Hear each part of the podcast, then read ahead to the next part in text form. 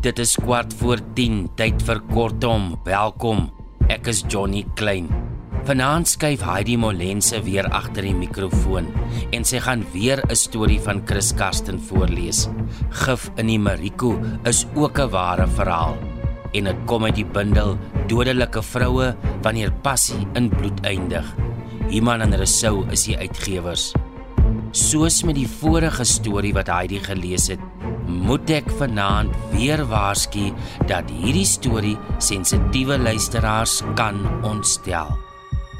Ek het ook die storie bietjie korter gemaak om dit in te pas in die tyd geleef.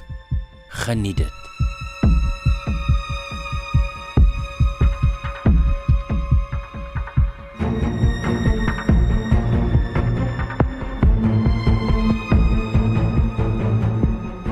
Is ou minnaars, jare al, en nie meer kinders nie. Hulle ken mekaar se gewoontes en gebruike. Hul verhouding lank nie meer een van dolle passie en blinde liefde nie. Veral die vrou is die laaste tyd ongedurig. Sy het haar minnaar al 'n slag gelos, uit die huisie getrek. Gehoop dit sal hom alleen daar op die plaas dwing om bestek te neem van sy dwaalwee.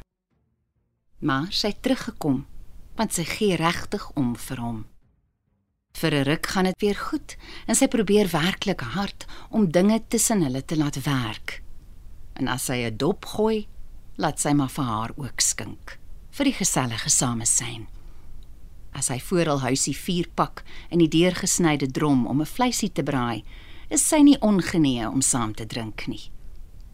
En dis lekker ook daar op die afgeleë plaas om saam se choppie op die rooster op die drom te sit, 'n drankie te drink en te gesels en saam te kyk hoe die son rooi en oranje en geel oor die Mariko se bosveld ondergaan. Maar whisky voor breakfast? Nee. Dit kan sy nie. En dis 'n slegte teken. Maar hy luister nie. Word kwaad as sy met hom daaroor praat vervies hom as sy hom oor sy drinkery vermaan. Dan's ook die rokery. En dis nie die tabak wat haar pla nie, dit's die ander goed, die sterker goed wat sy kop laat uithak. Selfs dit alles, die drinkery en die rokery, kan sy nog probeer verduur. Maar hy kom dikwels laat snags eers by die huisie in met die drank op sy asem en 'n vreemde parfuum aan sy klere. Dit kry haar onder.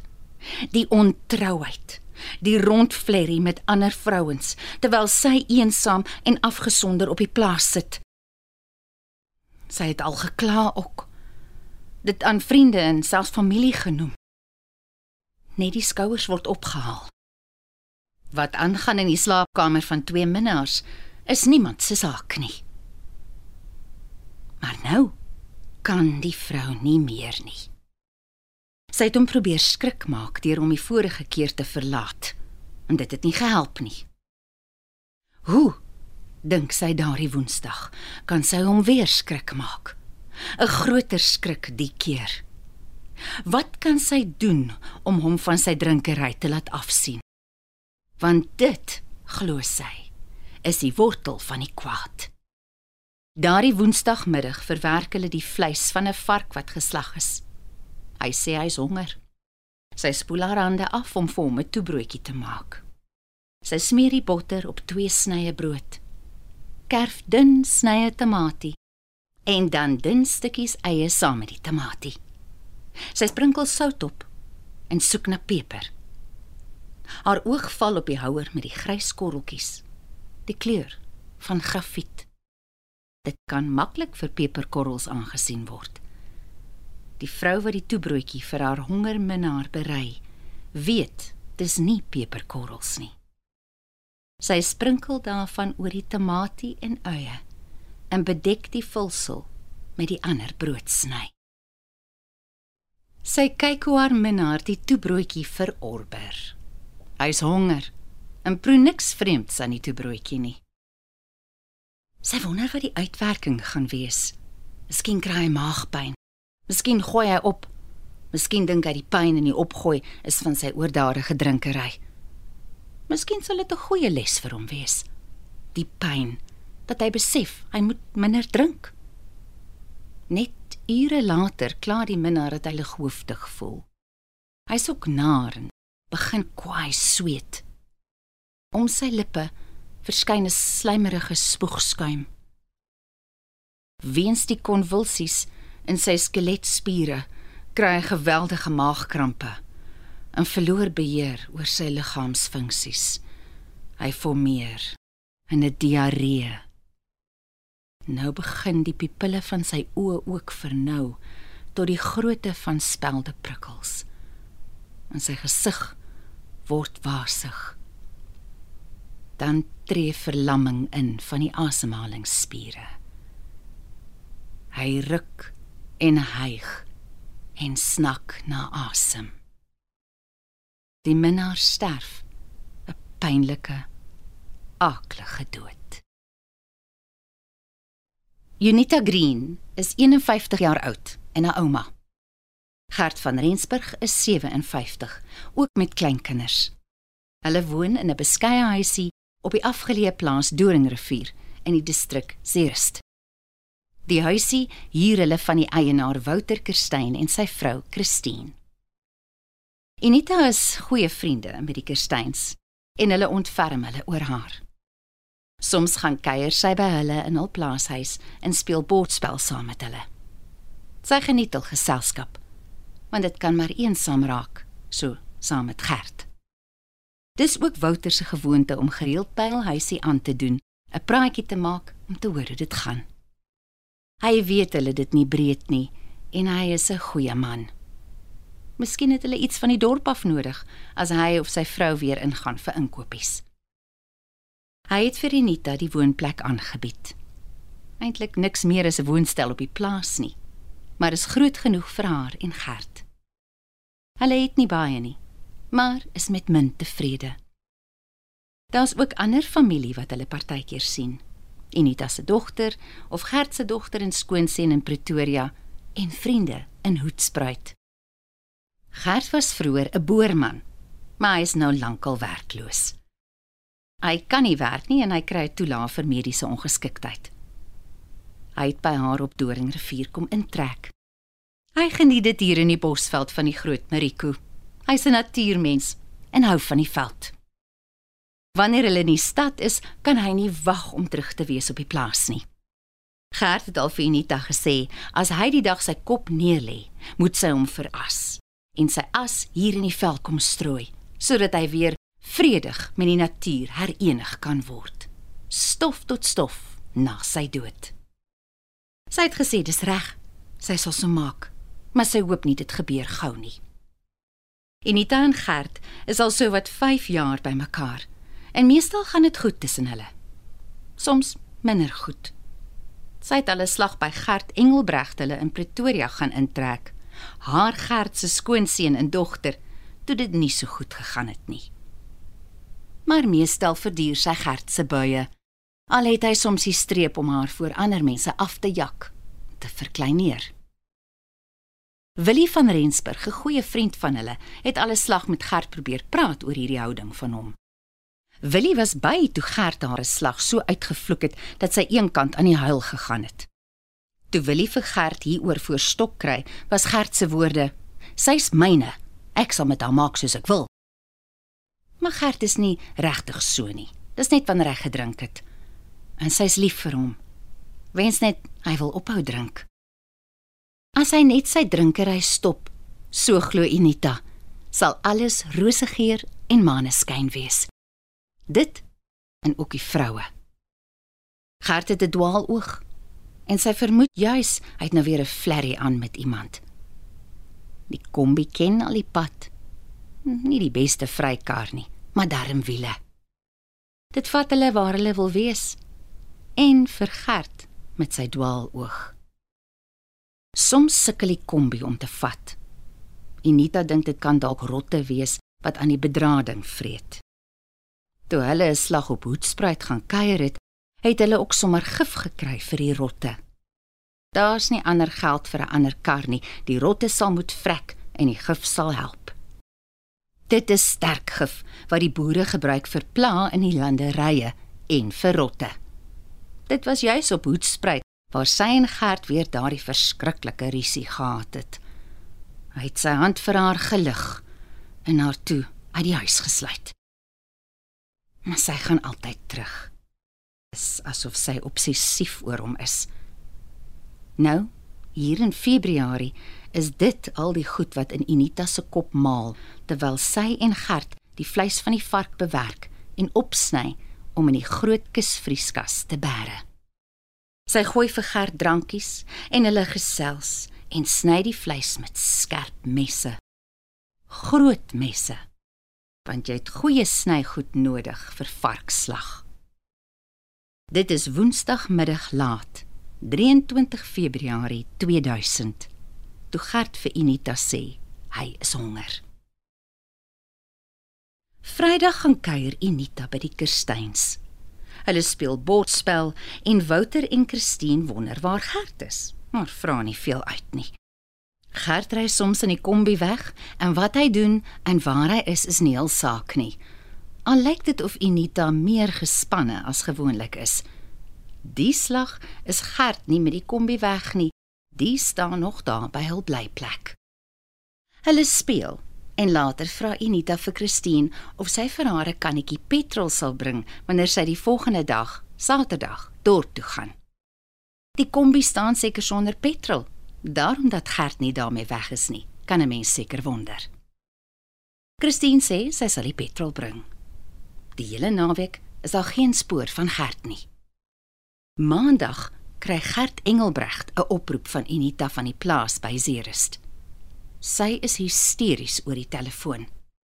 Sy vra dat hy dadelik Zerust toe kom. Daar's groot fout. Haar Gert is dood. Engelbregt is verdwaas oor sy skoonpa se skielike afsterwe. Hy probeer by die huilende Unita vasstel waar die oorskot is, by watter lijkhuis, by watter begrafnisondernemer. En wat van die begrafnis? Word dit gereël? Maar Unita huil en praat jy mekaar. Engelbregt sukkel om agter te kom wat aan die gang is. Hy lei af sy skoonpa het 'n hartaanval gehad. Unita sê ja, dit was gisteraand. En hy is nie by 'n lijkhuis nie. Sy het hom sommer self op die plaas begrawe. Dit was tog sy wens om weer met die natuur herenig te word. Engelbregt skrik. Dit kan tog nie so werk nie, sê hy vir Unita.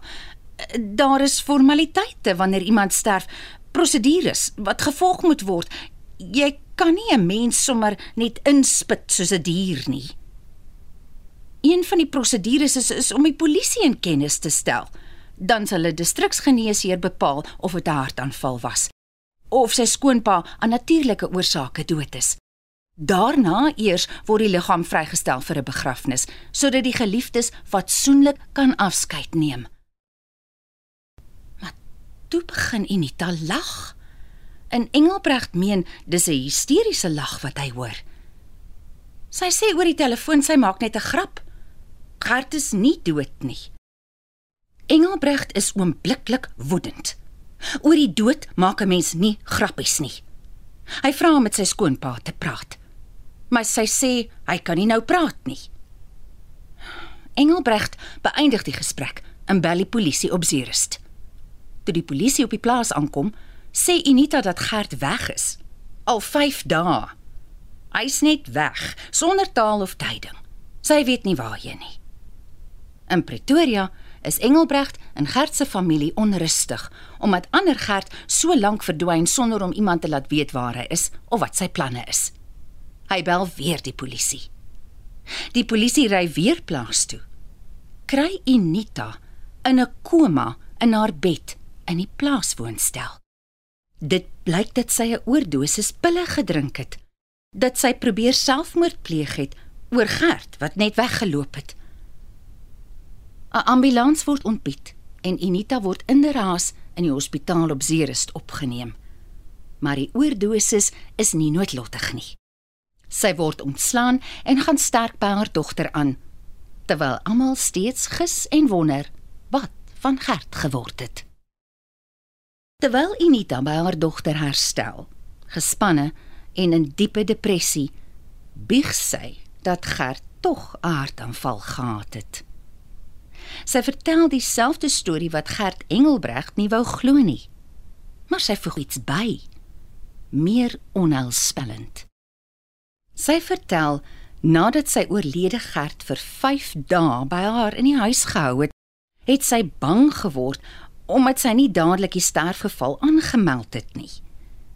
Toe sy besluit om homself te veras en sy as in die veld te strooi soos hy haar so mooi versoek het. Veras. Die dogter skrik en besef hier is moeilikheid en bel die polisie op Zeerust. Nou, pleks van 'n verloopte man te probeer opspoor, word na 'n oorskot gesoek in die veld op 'n plaas in die Groot Mariko. En met snuffelhonde begin die polisie om Gert bymekaar te maak. Dit is nie 'n maklike of vinnige proses om die liggaam van 'n mens te veras nie. Eers is meer as 'n braaivleisvuur nodig.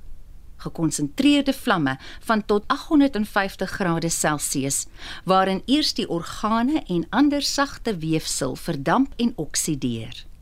Dit duur 2 uur. Daarna bly net beenfragmente oor, kalsiumfosfate en ander minerale sowat 3,5% van die liggaam se oorspronklike massa. Hierdie stukkies been word meganies gemaal tot die tekstuur van fyn sand en in 'n houertjie aan die naasbestaandes oorhandig as die veraste oorskot.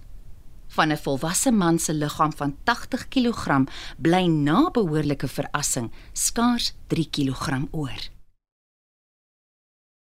Inita word op Dinsdag 7 Maart in hegtenis geneem. Woensdag kom haal die polisie haar uit haar sel en vat haar terug Doringrivier toe. Sy doen uitwysings op die plaas, in die kombuis waar sy en Gert die varkvleis bewerk het, by die kusvrieskas, voor hul woonstel by die afgesnyde drom met die rooster op vir vleisbraai, in die veld en by 'n sementtrog waar die beeste gedip word so wat 100 tree van die woonstel af. Dis beeste wêreld die en die beeste moet gedip word vir siektes, parasiete en bosluise. Donderdag verskyn Unita in die Landdroshof op Zeerust. Sy word in koerantberigte genoem 'n ouma van 3 wat tereg staan op aanklagte van moord, lijkskending en die verberging van 'n sterfgeval. Kaptein Gawen Geldenhuys polisiewoordvoerder van die Mariko streek, sê Unita Green het daardie donderdagoggend 'n bekentenis voor die landdros afgelê. Die eienaar van die plaas, Wouter Kerstyn, sê aan die joernaliste dit was vir hom eienaardig dat hy Gert van Rensburg dae lank nie gesien het nie. Hy vertel hoe die polisie dele van 'n mens se liggaam in die veld naby die woonstel gekry het. Hulle het ook 'n deel van 'n bolyf in die beesdip gekry. Dit blyk dat van die liggaamsdele verbrand is. Die oorblyfsels, vermoedelik van Gert van Rensburg, word na Medunsa, die Mediese Universiteit van Suid-Afrika, en die polisie se forensiese laboratorium in Pretoria gestuur vir ontleding. Die polisie probeer vasstel of dit inderdaad dele van Gert se liggaam is en indien wel, presies hoe hy gesterf het. Is dit aan natuurlike oorsake soos 'n hartaanval of meer sinister soos daar nou sterk agterdog is? In elke misdaadondersoek na vermeende moord is dit altyd goed om 'n bekentenis van 'n verdagte te kry. Maar fisieke bewyse is nodig, soos die kannetjie petrol wat by die voordeur van die woonstel staan en 'n halfgebrande tydskrif daar naby waarmee 'n vuur oënskynlik aan die brand gesteek is. Unita word aangehou tot haar verhoor meer as 'n jaar later in Mei 2001 in die rondgaande hof op Rustenburg begin. Die verhoor duur net enkele dae. Die getuienis teen haar is oorweldigend. Sy beken die aanklagte van lijkskending en regsverydeling dat sy die sterfgeval probeer verdoesel het, maar ontken skuld op die aanklag van moord. Hoewel sy bereid is om skuld te beken weens strafbare manslag, want sy het nie bedoel om Gert dood te maak nie. Die aanklaer, advokaat Potgieter, aanvaar egter nie hierdie mindere pleit van strafbare manslag nie. Unita getuig self oor die gebeure daardie Woensdag aand van 23 Februarie die vorige jaar. Ek wou hom nie doodmaak nie.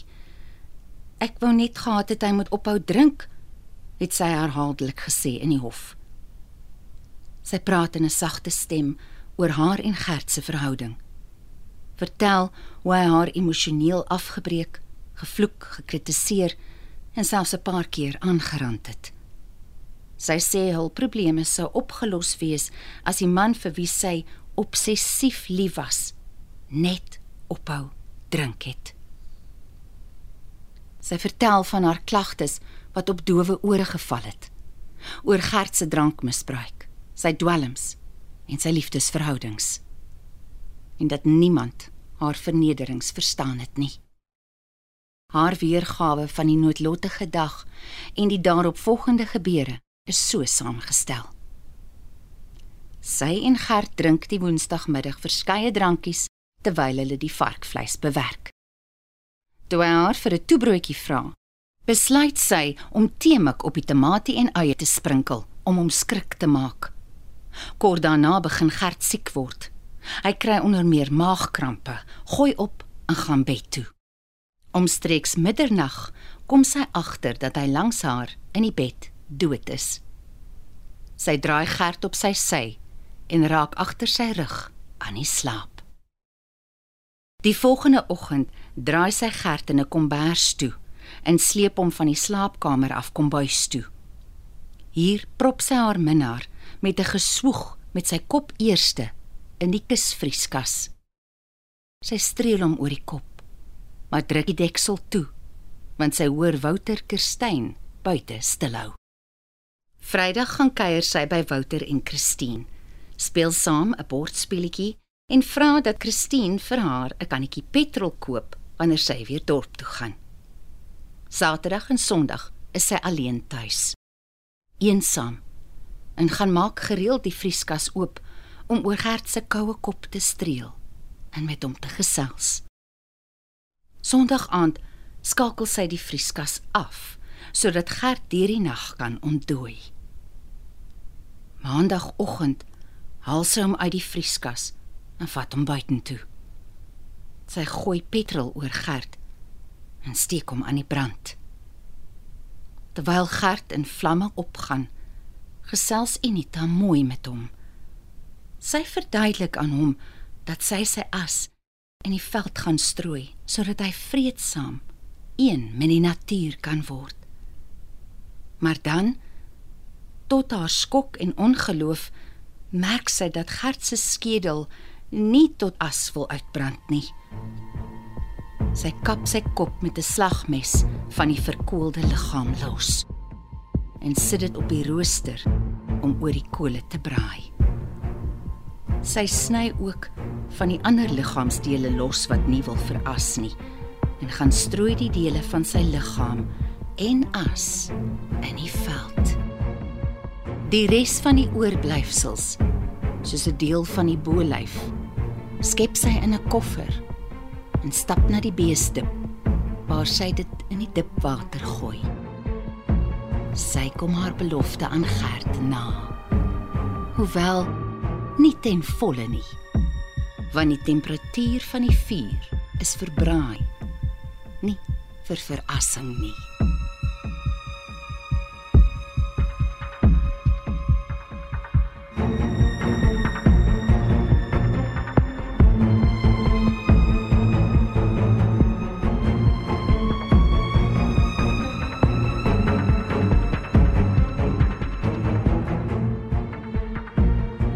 Dit was Gif in die Mariko, geskryf deur Chris Karsten. Heidi Molense, baie dankie vir die pragtige voorlees daarvan. Mooi week vir jou by die huis en pas jou op.